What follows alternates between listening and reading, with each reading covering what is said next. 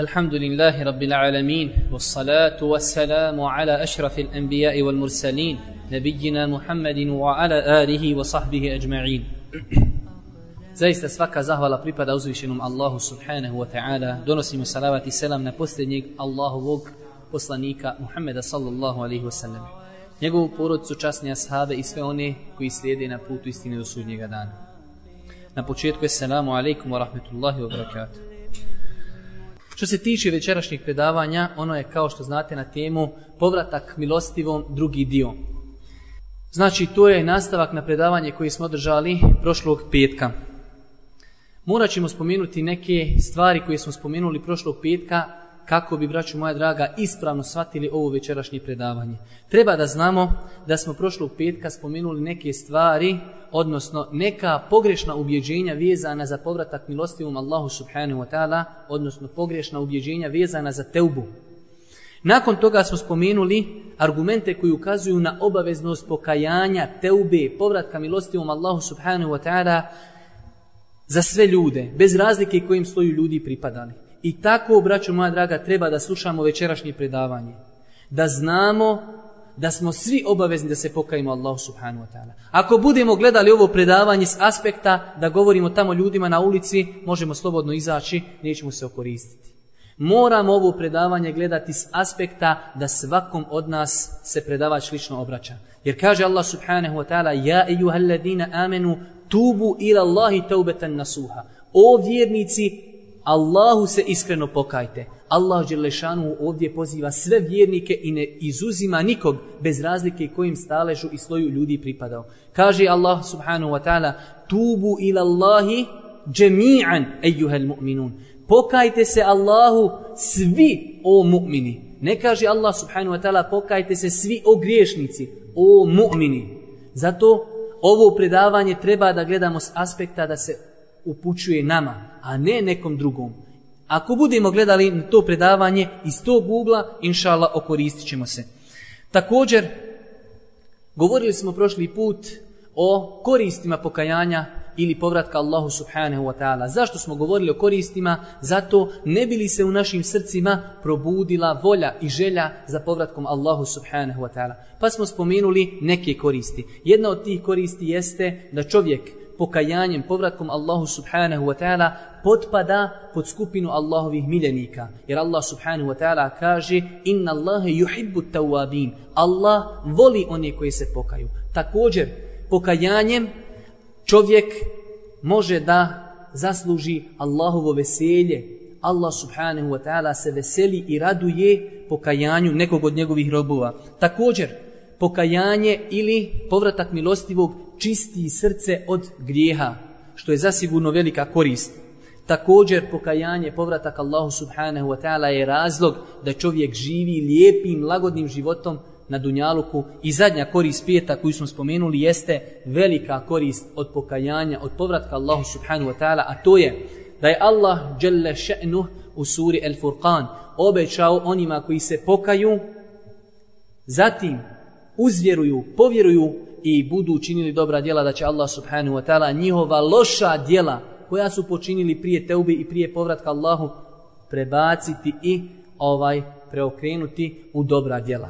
Zaista da pokajanje, teuba, povratak Allahu subhanahu wa ta'ala nema druge koristi osim ove zadnje, a to je da će se loša djela pretvoriti u dobra, to bi zaista bilo dovoljno da čovjek okreni novu stranicu u svom svakodešnjom, svakad, svakad, svakidašnjem životu.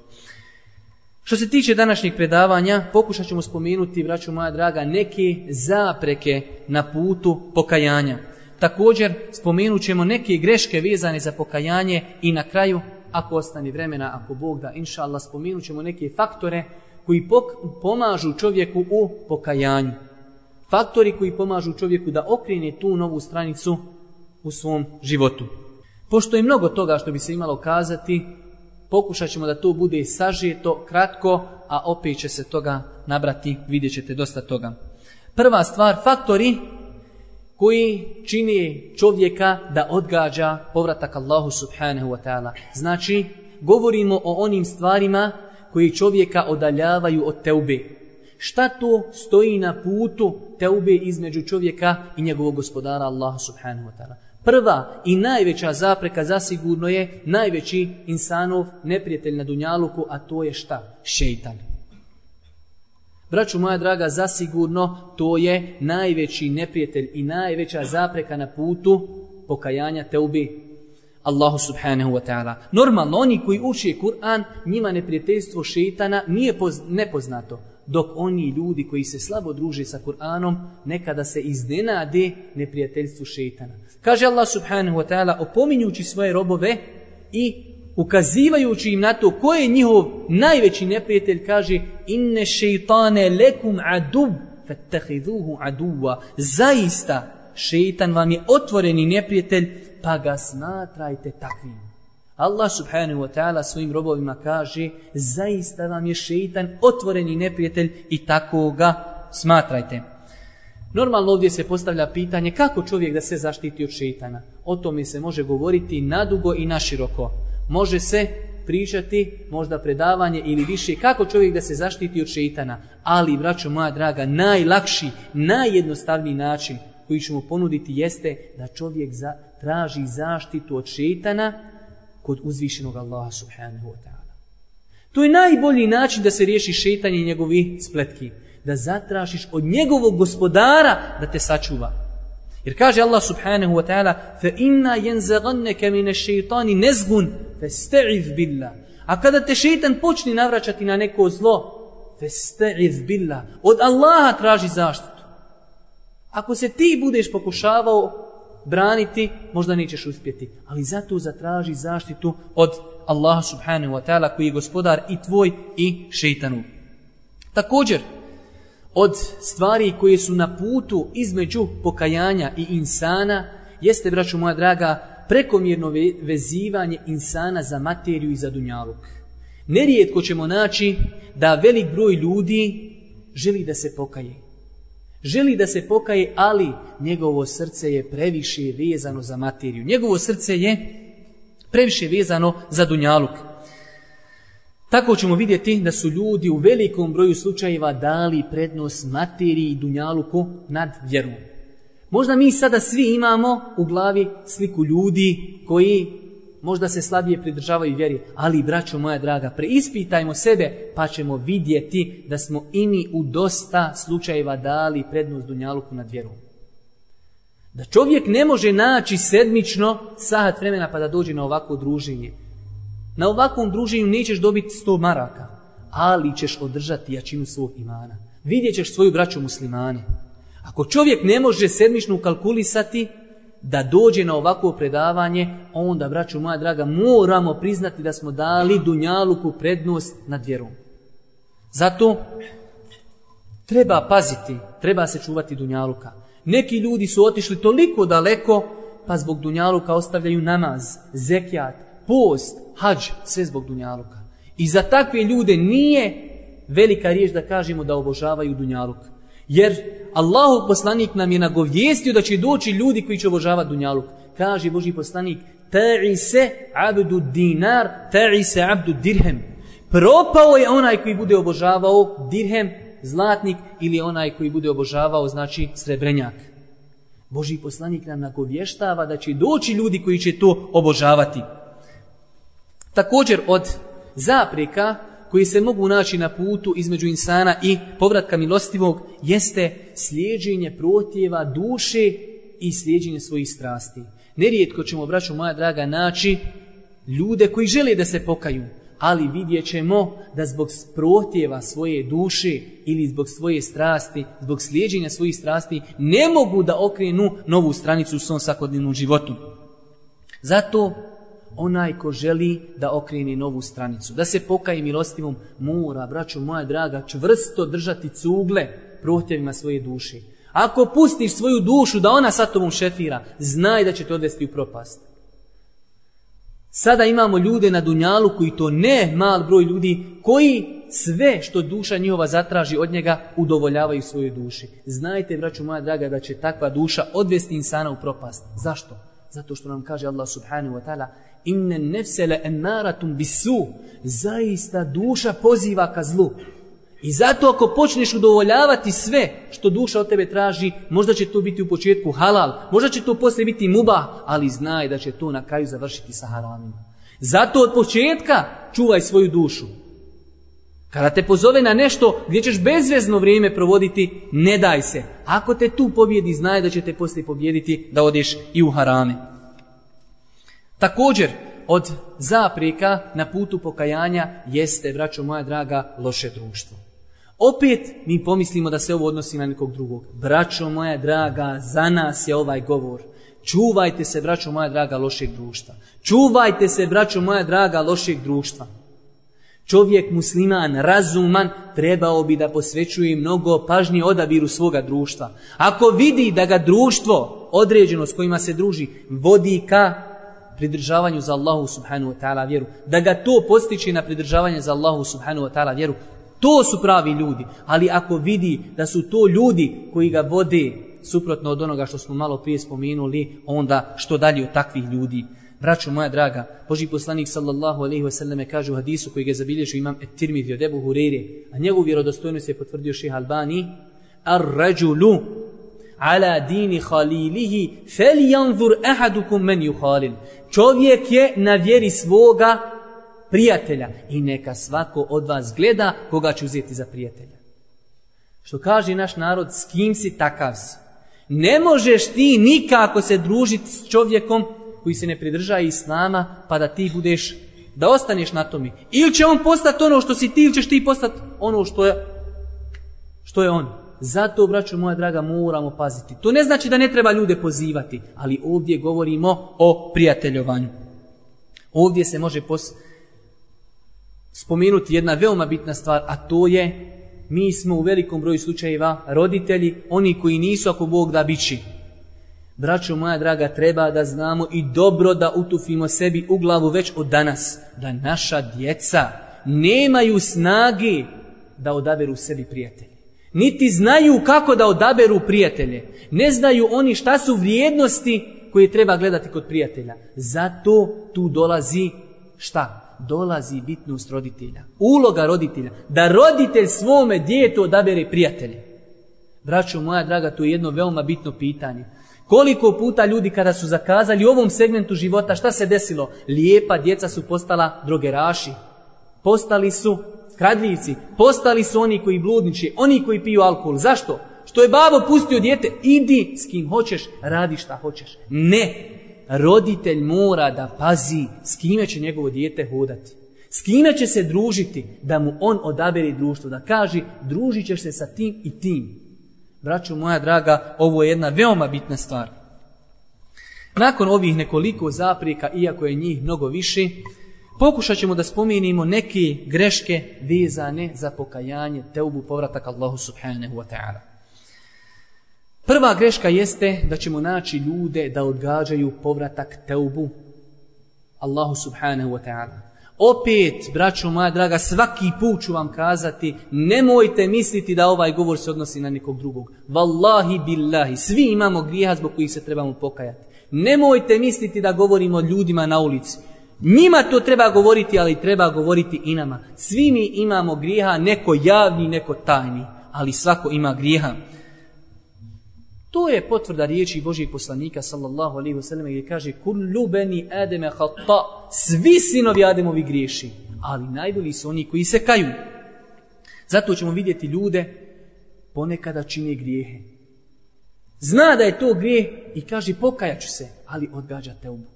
Pa neko kaže, ja ću se pokajati kada ostarim. Neko kaže, ja ću se pokajati kada odim na hađ. Neko kaže, ja ću se pokajati kada završim školu. Sada idem u školu teško, ali poslije. Neko kaže, ja ću se pokajati kada se oženim. Braćo moja draga, mora da znamo da su to šeitanove spletke. Da su to zamke u koje, nažalost, je upao velik broj ljudi. Mora, braćo moja draga, da znamo da su to šeitanove spletke.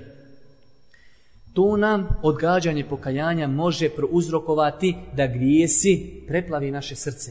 Rešaj, čovjek i ako doživi, ali ovdje kažemo i ako doživi onaj moment koji on zacrtao kada će se pokajati, možda vraću moja draga njegovo srce tada ne mogne okrenuti novu stranicu u njegovom životu. Zašto? Zato što je njegovo srce preplavljeno grijesima. Zato ne smijemo odgađati teubu pokajanja Allahu subhanahu wa ta'ala. Također, Neki ljudi odgađaju teubu pokajanje zato što se boje da će se opet vratiti određenom grijehu zbog kojeg su se pokajali. To je opet šetanova spletka i zamka.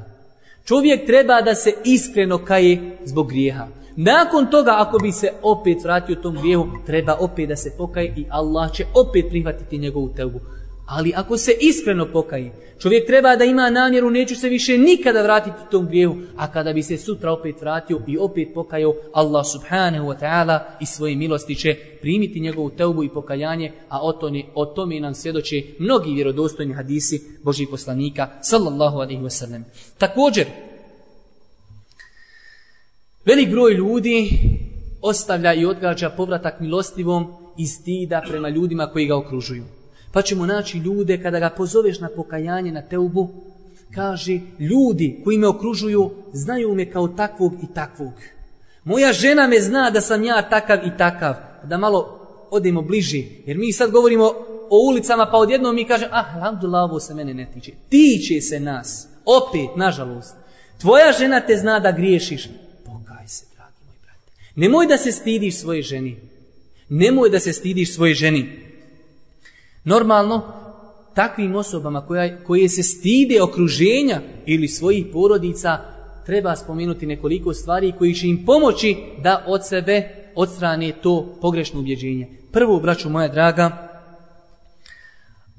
treba kazati takvim ljudima, ako nastavimo tako razmišljati, to nas vodi u propasti. Nikada se nećemo pokajati. Zašto? Zato što će uvijek biti neko oko nas ko zna našu historiju. Zato ako budeš govorio, pa znaju me, pa znaju me, pa znaju me, pa uvijek ćete ljudi znat. Uvijek ćete ljudi znat, pod jedan. Pod dva, treba da znaš da te ljude zbog kojih se stidiš danas, sutra kada dođu na sudnji dan, okrenit ti svoja leđa. Ti se danas njih stidiš, a sutra će okrenuti svoja leđa prema tebi. Pa zar zaslužuju onda takvi da se njih stidiš? Nema potrebi. Sutra kada te spuste u kabur, neće ti ljudi biti sa tobom. Znaj da ćeš biti sam. I četvrta stvar, braću moja draga, a to je, jeste sramota činit grijehe, ali je veća sramota ustrajati u njom činju. Jeste sramota da imamo braći koji šamaraju svoje žene, ali je veća sramota da taj brat to i dalje radi. Ako se to desilo jednom, pa svakog šeitan zavede. Ali, brate moj, okreni stranicu novu u svom životu pa kaži, neću više to činiti. Mi smo odmah pomisli, ha, to se odnosi na nekog drugog. Nije na nekog drugog, već se ovo odnosi, braću moja draga, na nas. Zato, braću moja draga, ne smijemo dozvoliti šeitanu da nas zavede, da odgađamo teubu pokajanje Allahu subhanahu wa ta'ala. Od noćas, od ovog predavanja čovjek treba da okrene novu strancu u svom životu. I pogledajte, braću moja draga, treba da budemo ponosni na što? da imamo gospodara koji prima teubu 24 sata u toku dana. Svojoj rođenoj majici ne možeš otići u svaka doba dana i noći. Nekad odeš, otišla u selo. Nekad dođeš, ona spava. Dođeš na veći, a ona što me budiš u doba. Allah subhanahu wa ta'ala 24 sata uvijek prima teubu. Vrata su otvorena. Vrata su otvorena. Nemoj da ti dođe šetan pa kaže sutra. Ne sutra, vrata su već od danas otvorena. U hadisu koji je zabilježio imam muslim od Ebu Musa i Lešar radi Allahu ta'ala nu stoji da je Boži poslanik sallallahu alihi wasallam je kazao inna Allahe jebi sutu jedehu bil lejli jetube musi en neher. O jeb sutu jedehu bin nehari lijetuve mu sui el lejl hatta tatla šemsu min magribiha. Allah subhanahu wa ta'ala drži svoje ruke noću pružene da bi prihvatio pokajanja oni koji su danju griješili. A danju drži ruke otvorene da prihvati teubu oni koji su griješili noću. Znači, braću moja draga, vrata su otvorena, a sve dok ne dođe duša do grkljana ili dok ne iziđe sunce sa zapada. Zato, vraćam moja draga, nemoj da budemo od onih koji će odgoditi svoju teubu do momenta kada će im doći melek smrti u posjetu, pa će tada pokušati, ali sigurno će biti kasno.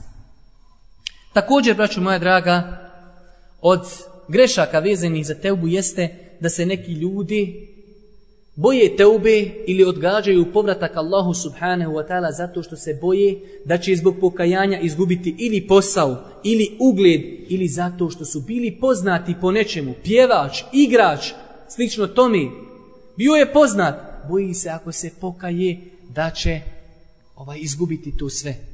Možda će izgubiti nešto od toga čovjek ako se pokaje, ali braćo moramo biti svjesni moramo biti svjesni da trgovina između Dunjaluka i Ahireta ne dolazi ni u kom slučaju u obzir. Dunjaluk je prolazan, Ahiret je vječan. Zato nije zaslužan Dunjaluk da trgujemo, znači, između Dunjaluka i Ahireta, ni u kom slučaju. Moramo znati također da čovjek, ako ostavi nešto Allaha radi, ako si ostavio ugled, ako si ostavio ponos, ako si ostavio posao, znaj ako si to ostavio radi Allaha, iskreno radi njega, da će ti to Allah subhanahu wa ta'ala nadoknaditi boljim od toga. Također od grešaka vezani za teubu, braću moja draga, zasigurno greška koja je prisutna kod svakog od nas jeste da ljudi zapostavljaju okretanje nove stranice u životu oslanjajući se na Allahovu subhanahu wa ta'ala milost. Da, Allahova milost je velika. Mnogo veća nego što mi možemo zamisliti. Mnogo veća nego što mi možemo zamisliti. U vjerodosljenom hadisu koji je zabilježio imam Buharija stoji da je Boži poslanik sallallahu alaihi wa sallam je kazao Allahova milost se stastoji iz stotinu dijelova A ova milost koju vi vidite na Dunjaluku, to je samo jedan dio od te milosti. 99 dijelova milosti je Allah subhanahu wa ta'ala zadržao kod sebe i time će pomilovati svoje robove na sudnjem danu. Samo jedan dio milosti je ono što mi volimo svoju djecu. Ono što životinje vole svoju mladunčad. To je, braću moja draga, samo jedan dio Allahove milosti koju je spustio na zemlju. A 99 dijelova je zadržao Allah subhanahu wa ta'ala kod sebe za sudnji dan. Ali, braćo, ne smijemo se zavarati. Ta milost je za koga? Za one koji se kaju. Pa to, kada se pokaju, pri tom kajanju opet urade neke grijehe. Jer neminovno je da čovjek uradi neki grijeh. Ta milost je za te ljude, a ne nikako za oni koji koji prkose Allahu danonočno i nikada se nekaju. Takvi treba da znaju, braćo moja draga, da Allah kako god je milostiv, više nego što je milostiva majka prema svom djetu, tako Allah subhanu wa ta'ala žestoko kažnjava. I o tome nam Allah govori u Kur'anu. U jednom te istom ajetu Allah subhanahu wa ta'ala svojim robovima pojašnjava kako ih ne bi zavjelo to da je milostiv. U jednom ajetu Allah subhanahu wa ta'ala kaže ne bi ibadi enni enel gafurur rahim wa enne azabi huvel azabul alim. Kaži robovima mojim, ja sam zaista onaj koji prašta i da sam milostiv, ali da je i kazna moja doista bolna kazna. U jednom ajetu, braćo moja draga, to su ta krila, primjer ptice. Ptica ne može letjeti s jednim krilom. Čovjek ako želi da ide pravim putem, mora da na tom putu ima dva krila. Strah od Allaha subhanahu wa ta'ala i nadu u njegovu milost. Pogledajte, braću moja draga, samo kako Allahov poslanik opisuje vatru. U hadisku je zabilježio imam Tirmidhi, sa vjerodostojnim lancem prenosilaca kaže Allahu poslanik sallallahu alejhi ve selleme vatra koju vidite na dunjalu koje je samo 70. dio vatri džehennema. Wallahi bi bilo dovoljno da se ljudi muče ovom vatrom. Ko može od nas staviti ruku na usijanu špore? Ne može niko. A zamislite, braćo moja draga, vatra džehennema je 70 puta jača od vatri dunjaluka. Zato, braćo moja draga, ne smijemo sebi dozvoliti da se oslonimo samo na milost Allaha subhanahu wa ta'ala. Da, treba da znamo da je Allah subhanahu wa ta'ala milostiv, ali treba u isto vrijeme da znamo da on žestoko kažnjava. Pogledajte samo Allahovi pravdi. Jedan od najodabranijih robova, ko? Adem alihi selam. Zašto je istiran iz dženneta? Zbog jednog grijeha, braću. Zbog jednog grijeha Adem alihi selam je istiran iz dženneta zbog jednog grijeha. A pogledajte nas, prvo nas, a onda pogledajte ulice. Ali opet, prvo nas, neka svako preispita sebe koliko grijeha ima i da li zaslužuje Allahovu subhanahu wa ta'ala milost. Također, neki ljudi odgađaju pokajanje zato što vide ljude oko sebe da griješe. Allah ih pustio da radi šta hoće. Ljudi kradu, ljudi se drogiraju, ljudi alkohol konzumiraju, žene razgoličene, zalimi, Amerika, Britanija. Pa kaže čovjek, nako, pa kada mogu, oni mogu i ja. Znajte, braćo moja draga, da je to također jedna od spletki šeitanovi. Kaže Allah subhanahu wa ta'ala odgovarajući takvima وَلَا تَحْسَبَنَّ اللَّهَ غَافِلًا عَمَّا يَعْمَلُ الظَّالِمُونَ إِنَّمَا يُؤَخِرُهُمْ لِيَوْمٍ تَشْخَسُ فِيهِ الْأَبْصَارِ a ti nikako ne misli da Allah ne motri na ono što rade nevjernici. On im samo pušta do dana kada će im se pogled ukočiti. Nemojte misliti da Allah ne vidi ono što se dešaje u Iraku i u Palestini i u Čečini. Vidi, braćo moja draga, ali do određenog momenta. Također, neki ljudi, a i mi smo među njima, odgađamo pokajanje Allahu subhanahu wa ta'ala i povratak Allahu subhanahu wa ta'ala zbog mnoštva naših grijeha. A znajte, vraću moja draga, da čovjek mu'min ne smije da gubi nadu Allahu milost.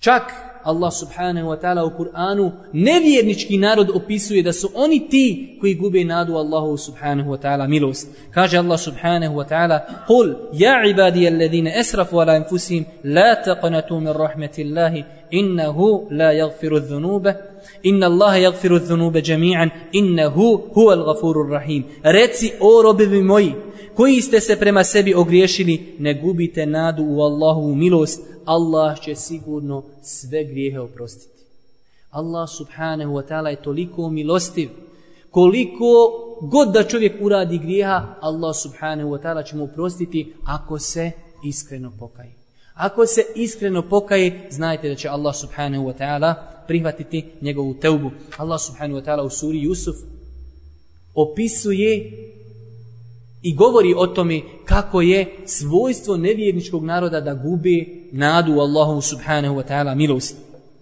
Zato kažemo, gubljenje nade u Allahu milost može biti veći grije od grijeha kojih se želiš pokajati. Gubljenje nade u Allahu milost može biti veći grijeh od onog grijeha od kojeg si se želio pokajati. I zadnja stvar, jedna veoma interesantna stvar, da neki ljudi pravdaju svoje grijehe i odgađaju teubu, to je jedna od grešaka vjezanih za pokajanje, nerijetka greška, da ljudi to pravdaju kaderom. Kažeš čovjeku, zašto griješiš? Pa kaže, pusti me, meni je propisano da ja budem pjanom. Šta tom čovjeku reći? Braću moja draga, islamski učenjaci o tome knjige pišu. Šehr Islam Ibn Taymi je napisao jednu knjižicu samo kako odgovoriti ljudima koji za rađenje svojih grijeha koriste izgovor kadera. Pa ćemo spomenuti samo četiri a, odgovora kako se može tim ljudima jednostavno odgovoriti. Onako kako njihov razum može shvatiti. Prva stvar je Kada čovjek kaže meni je suđeno da budem pjanac, da mu kažemo otkud ti znaš da je tebi to suđeno. Ili ti znaš gajba? Otkud znaš da je to tebi suđeno? Pod jedan. Pod dva. Da kažemo čovjeku svakom da svako od nas ima slobodnu volju. Kako god si otišao u birtiju, pa se naloko, niko ti nije zabranio da odeš u džamiju pa da klanjaš. Imao si slobodnu volju i ne možeš kazati meni je to propisano. Imao si slobodnu volju, ja u džamiju, ja u birtiju. Treća stvar, da tom istom čovjeku kažemo, a zašto ne kažeš da je tebi propisano da budeš pobožan? Ti kažeš meni je propisano da budem pjano. Pa što ne kažeš, a meni je propisano da budem pobožan, ode ja u džamiju neće tako kazati. I četvrta stvar, ti ljudi koji tako dokazuju, oni to samo govori kada je u pitanju ahiret. Kada je u pitanju dunjalog, tako, ne se, tako se ne ponašaju. Primjera radi, čovjek hoće ići neđe u turizam. Primjera radi u Tursku. Pa mu kažeš, idi gore u najdio Turske gdje se puca sa kurdima. Ne, ne, kaže, neću, ja gore mogu poginti. Pa drogi, brate, ako ti je propisano, idi gore, ako ti bude propisan, poginčeš. Ne, ne, ode, a kaže, u Hrvatsku dole je mirno. A idi, slobodno. Zašto tada ne koristiš kader kao dokaz? Ne, poduzeo si sve od sebe, ode, a u Hrvatsku dole je mirno. Neću u Tursku, mogu me kurdi gore operisati. E, zato, braću moja draga, kažemo, ti ljudi To samo dokazuju kada u pitanju ahiret i činjenje njihovih grijeha do kada u pitanju dunjaluk daleko su od toga. Na kraju, ako Bog da pokušat ćemo da ne dužimo, spomenut ćemo ukratko veoma bitne stvari koji pomažu čovjeku kada je u pitanju povratak milostivom Allahu subhanahu wa ta'ala. Veoma bitne stvari. Prva stvar, braćo moja draga, jeste iskrenost. Čovjek ako želi da se pokaje, Želi da se povrati svome gospodaru. Želi da okrene novu stranicu u svome životu. Treba da time iskreno želi Allahovu subhanahu wa ta'ala zadovoljstvo i njegovu vješnu nagradu džennet. Jer znajmo, braćo moja draga, da oni koji budu iskreno želili povratak Allahu subhanahu wa ta'ala, da će Allah subhanahu wa ta'ala na tom putu pomoći. Oni ljudi koji osjeti slast imana, kada ga osjeti, ništa im nakon toga nije teško normalno, mi se pitamo, pa zar iman ima svoju slast? Ima. Problem je kod nas što su naša usta bolesna pa ne mogu osjetiti slast od imana. A da ima iman svoju slast, to nam govori Boži poslanik. Thelathun men kunne fihi uođede bihinne halavatel iman. Tri svojstva ko bude imao pri sebi, zbog tih svojstava će osjetiti šta? Slast imana. Mi bliže bi kazali da osjećamo gorčinu imana. Malo je oni koji su osjetili slast imana. Možemo spomenuti ta tri svojstva, kaže Boži poslanik sallallahu alaihi wasallame, da mu Allah subhanahu wa ta'ala i njegov poslanik budu draži od svega drugoga, da voli ljude, ne voli ih osim radi Allaha i da preziri da se vrati u kufr. Nakon što ga je Allah izvukao iz toga kao što prezire da bude bačen u vatru kada budu imali ta svojstva pri sebi, tada ćemo osjetiti slast imana. Također, od stvari koje pomažu insanu, kada je u pitanju njegov povratak milostivom Allahu, jeste, braću moja draga, ljubav prema uzvišenom Allahu subhanahu wa ta'ala. Jer, treba da znamo da je ljubav to što čini čovjek kada bude pokoran nekom. Zašto ljudi Zašto ljudi piju, vole alkohol, zašto ljudi bludniči, pokoravaju se svojim strastima, pokoravaju se svojim strastima, pokoravaju se šeitanju. Tako čovjek, ako bude volio svog gospodara, Allah subhanahu wa ta'ala, zasigurno će mu to olakšati povratak. Jer, braćo moja draga, kako da ne volimo svog gospodara? Da li smo se ikada zapitali i makar jednu sekundu razmišljali o tome koliko je blagodati Allah subhanahu wa ta'ala prema nama? I da ne volimo Allah subhanahu wa ta'ala? Ko nam je dao ovu vjeru jedinu, priznatu i potpunu? Ko nam je poslao poslanika? Ko nam je dao oči, uši? Ko nam je dao vid? Ko nam je dao zdravlje? Ko nam je dao zrak? Ko nam je dao? Ko nam je dao? Možemo nabrajati do sutra. Kaže Allah subhanahu wa ta'ala وَإِن تَعُدُّ نِعْمَةَ اللَّهِ لَا تُحْسُوهَ Ako budete brojali Allahove blagodati, nikada i nećete prebrojati. Nikada. Zato, braću moja draga, Onaj ko zavoli istinski Allaha subhanahu wa ta'ala, znajte da će se njemu pokajati i znajte da će se stiditi činiti grijehe. Čovjek, kada voli uzvišenog Allaha subhanahu wa ta'ala, stidi se svog gospodara da čini grijehe. Također, jedna veoma bitna stvar, kada je u pitanju povratak, ulaganje truda, braću moja draga, borba da se čovjek trudi. Kaže Allah subhanahu wa ta'ala: "Wallazina jahadu fina lanahdiyannahum subulana wa inna Allaha lama'al muhsinin." Oni koji se budu zbog nas trudili i borili, mi ćemo sigurno putevima koji nama vode uputiti. Oni koji se budu trudili, koji se budu borili, Allah Đelešanu će uputiti putevima koji njemu vodi. Pogotovo, braću moja draga, u ovim teškim vremenima. Čovjek ako hoće da ostani na pozitivnoj nuli, mora mnogo truda da uloži. Jer, braćo moja draga, pogledajte samo vjetrove razrata koji pušu našim ulicama. Znajte da to utješi na ljude. Pogledajte ljude oko nas. Dojučije su ljudi bili na ovakvim cijelima, a sada su priuštili sebi ono što nisu priuštili ni najveći kriminalci. Pazite ljudi, pazite, čuvajte se moramo ulagati trud i napor da održimo svoje stanje. Također, od stvari koji će pomoći čovjeku kada je u pitanju povratak Allahu, jeste, vraću moja draga, kratkoća, nadi i sjećanje na ahiret. Da se čovjek prisjeća da je, a, da je dunjalu prolazan, a da je ahiret vječan. Da se čovjek prisjeća da ćemo svi umrijeti. Da gledamo u ljude oko nas pa da vidimo da ostavljaju sve onu što su zgrtali, a odlaze, odlaze u kabur samo sa svojim dobrim dijelima.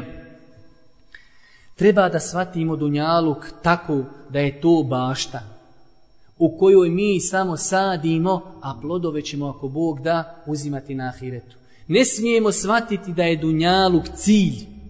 Dunjaluk je, braću moja draga, šta? Sredstvo koji mi kupujemo sebi ahiret. Ko sebi postavi Dunjaluk za cilj, znajte da taj čovjek ne ide u pravom pravcu.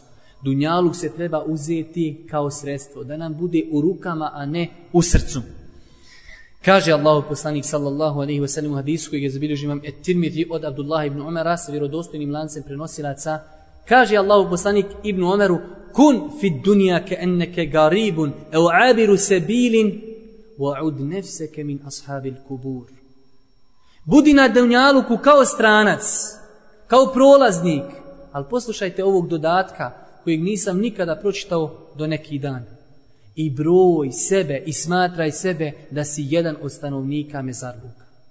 Tako kratko, takva kratka nada treba da bude kod mu'mina, da se nada da će svaki dan biti od stanovnika mezaristana. Kada bi tako razmišljali, mnogo bi manje griješili. Mnogo bi se češće vraćali Allahu subhanahu wa ta'ala. Također, jedna veoma bitna stvar, jedna veoma bitna stvar koja može pomoći kada je u pitanju povratak Allahu, a to je, braću moja draga, da se klonimo mjesta, da se klonimo mjesta koja nas posjećaju na grijehe, da se klonimo svega onoga što nas asocira na grijehe. Kako čovjek može da se skloni od grijeha, a po cijeli dan bulju televiziju, pa primjera radi, gleda porno filmove? Kako će taj čovjek okrenuti novu stranicu u svom životu. Teško, tako mi Allaha, teško. Kako će okrenuti stranicu u svom životu neko ko svaki dan sluša muziku?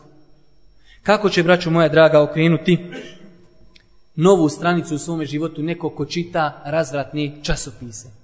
Zato čovjek treba da se trudi da bježi od takvih stvari, od onoga što ga posjeća na grijehe. Ne da radi grijehe, već da bježi od onoga što ga posjeća na grijehe. Tako će ako Bog da ojačati svoj iman i tako će ako Bog da ojačati svoj povratak Allahu subhanahu wa ta'ala. Veoma bitna stvar kada je u pitanju ova stvar, braću moja draga, da čovjek treba da pokuša da kontroliši dvije stvari. I ako stavi dvije stvari pod kontrolu, znajte, znajte, braću moja draga, da je udario jake temelje povratku milostivom. Šta? Šta? da čuva svoj jezik i da pazi svoje oči. Pogledajte u grijehe koji su prisutni oko nas, većina tih grijeha ili je jezik ili je oko. Zato kažemo ako čovjek uspije savladati i kontrolisati oči i svoj jezik, vallahi, vallahi, udario je jake temelje povratku milostivu. Ne kažemo da je to dovoljno, ali vjerujte, vjerujte da je udario jake temelje. Također, jedna veoma bitna stvar koja će olakšati čovjeku povratak milostivom, jeste, braću moja draga, druženje sa čestitim i dobrim ljudima, ostavljanje loših društva. Čovjek treba da traži društvo kakvo. Pazite dobro sad ovo, šta ću kazati. Pa preispitajmo sebe da li tražimo takvo društvo treba da traži društvo i da uslovi svom društvu da kada vide da je posrnuo, da ga upozori.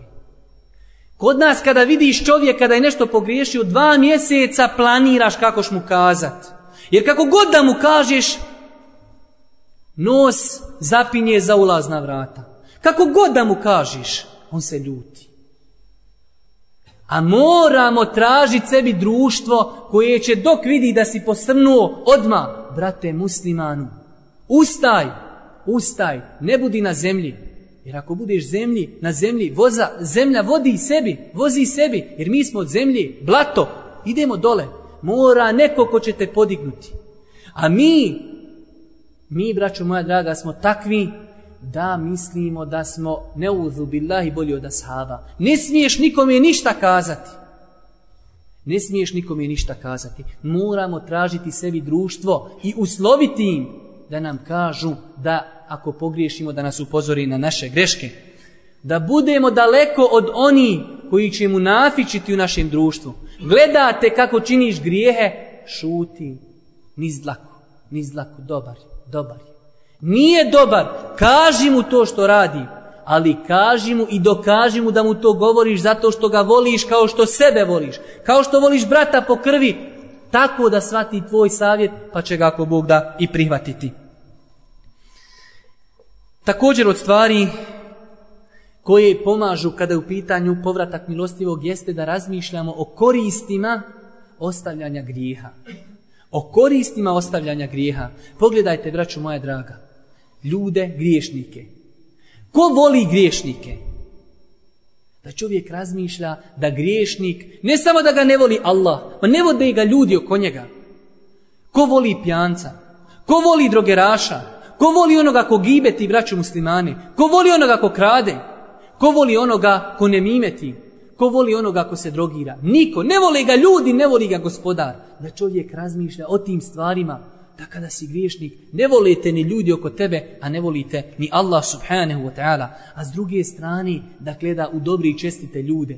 Svako voli dobrog insana, čestitog. Voli onoga ko voli pomoć bratu muslimanu. Voli onoga ko je pošten. Voli onoga koji kada obeća neće slagati. Voli onoga ko klanja, pa taj namaz ostavlja na njega traga. Inna salate tenha anil fahša. Zaista namaz odvraća od loših dijela. Čovjek kada uđe u džanju, da taj namaz ostavi na njega traga. Da prepoznaš na tom insanu da je bio na namazu. Braćo moja draga, to su te stvari koje ljudi vole. Zato treba da tražimo ta, ta svojstva.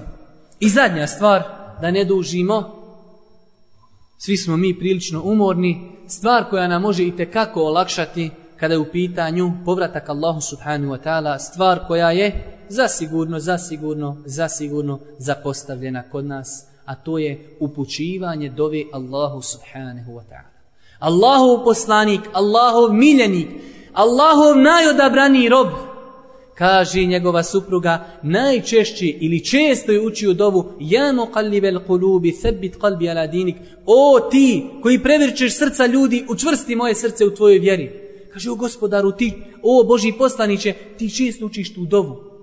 Kaže, Allah poslanik srca, ljudi su između dva prsta gospodara, okreće i kako hoće. Allah poslanik traži od Allaha da učrsti njegovo srce. Gdje smo, braćo, mi od Allahu poslanika? Gdje smo mi od njegove iskrenosti, od njegovog ibadeta? Gdje smo mi od tih vremena? Zato, braćo moja draga, skrušeno Allahu subhanahu wa ta'ala dovu da uputimo da nas Allah učvrsti.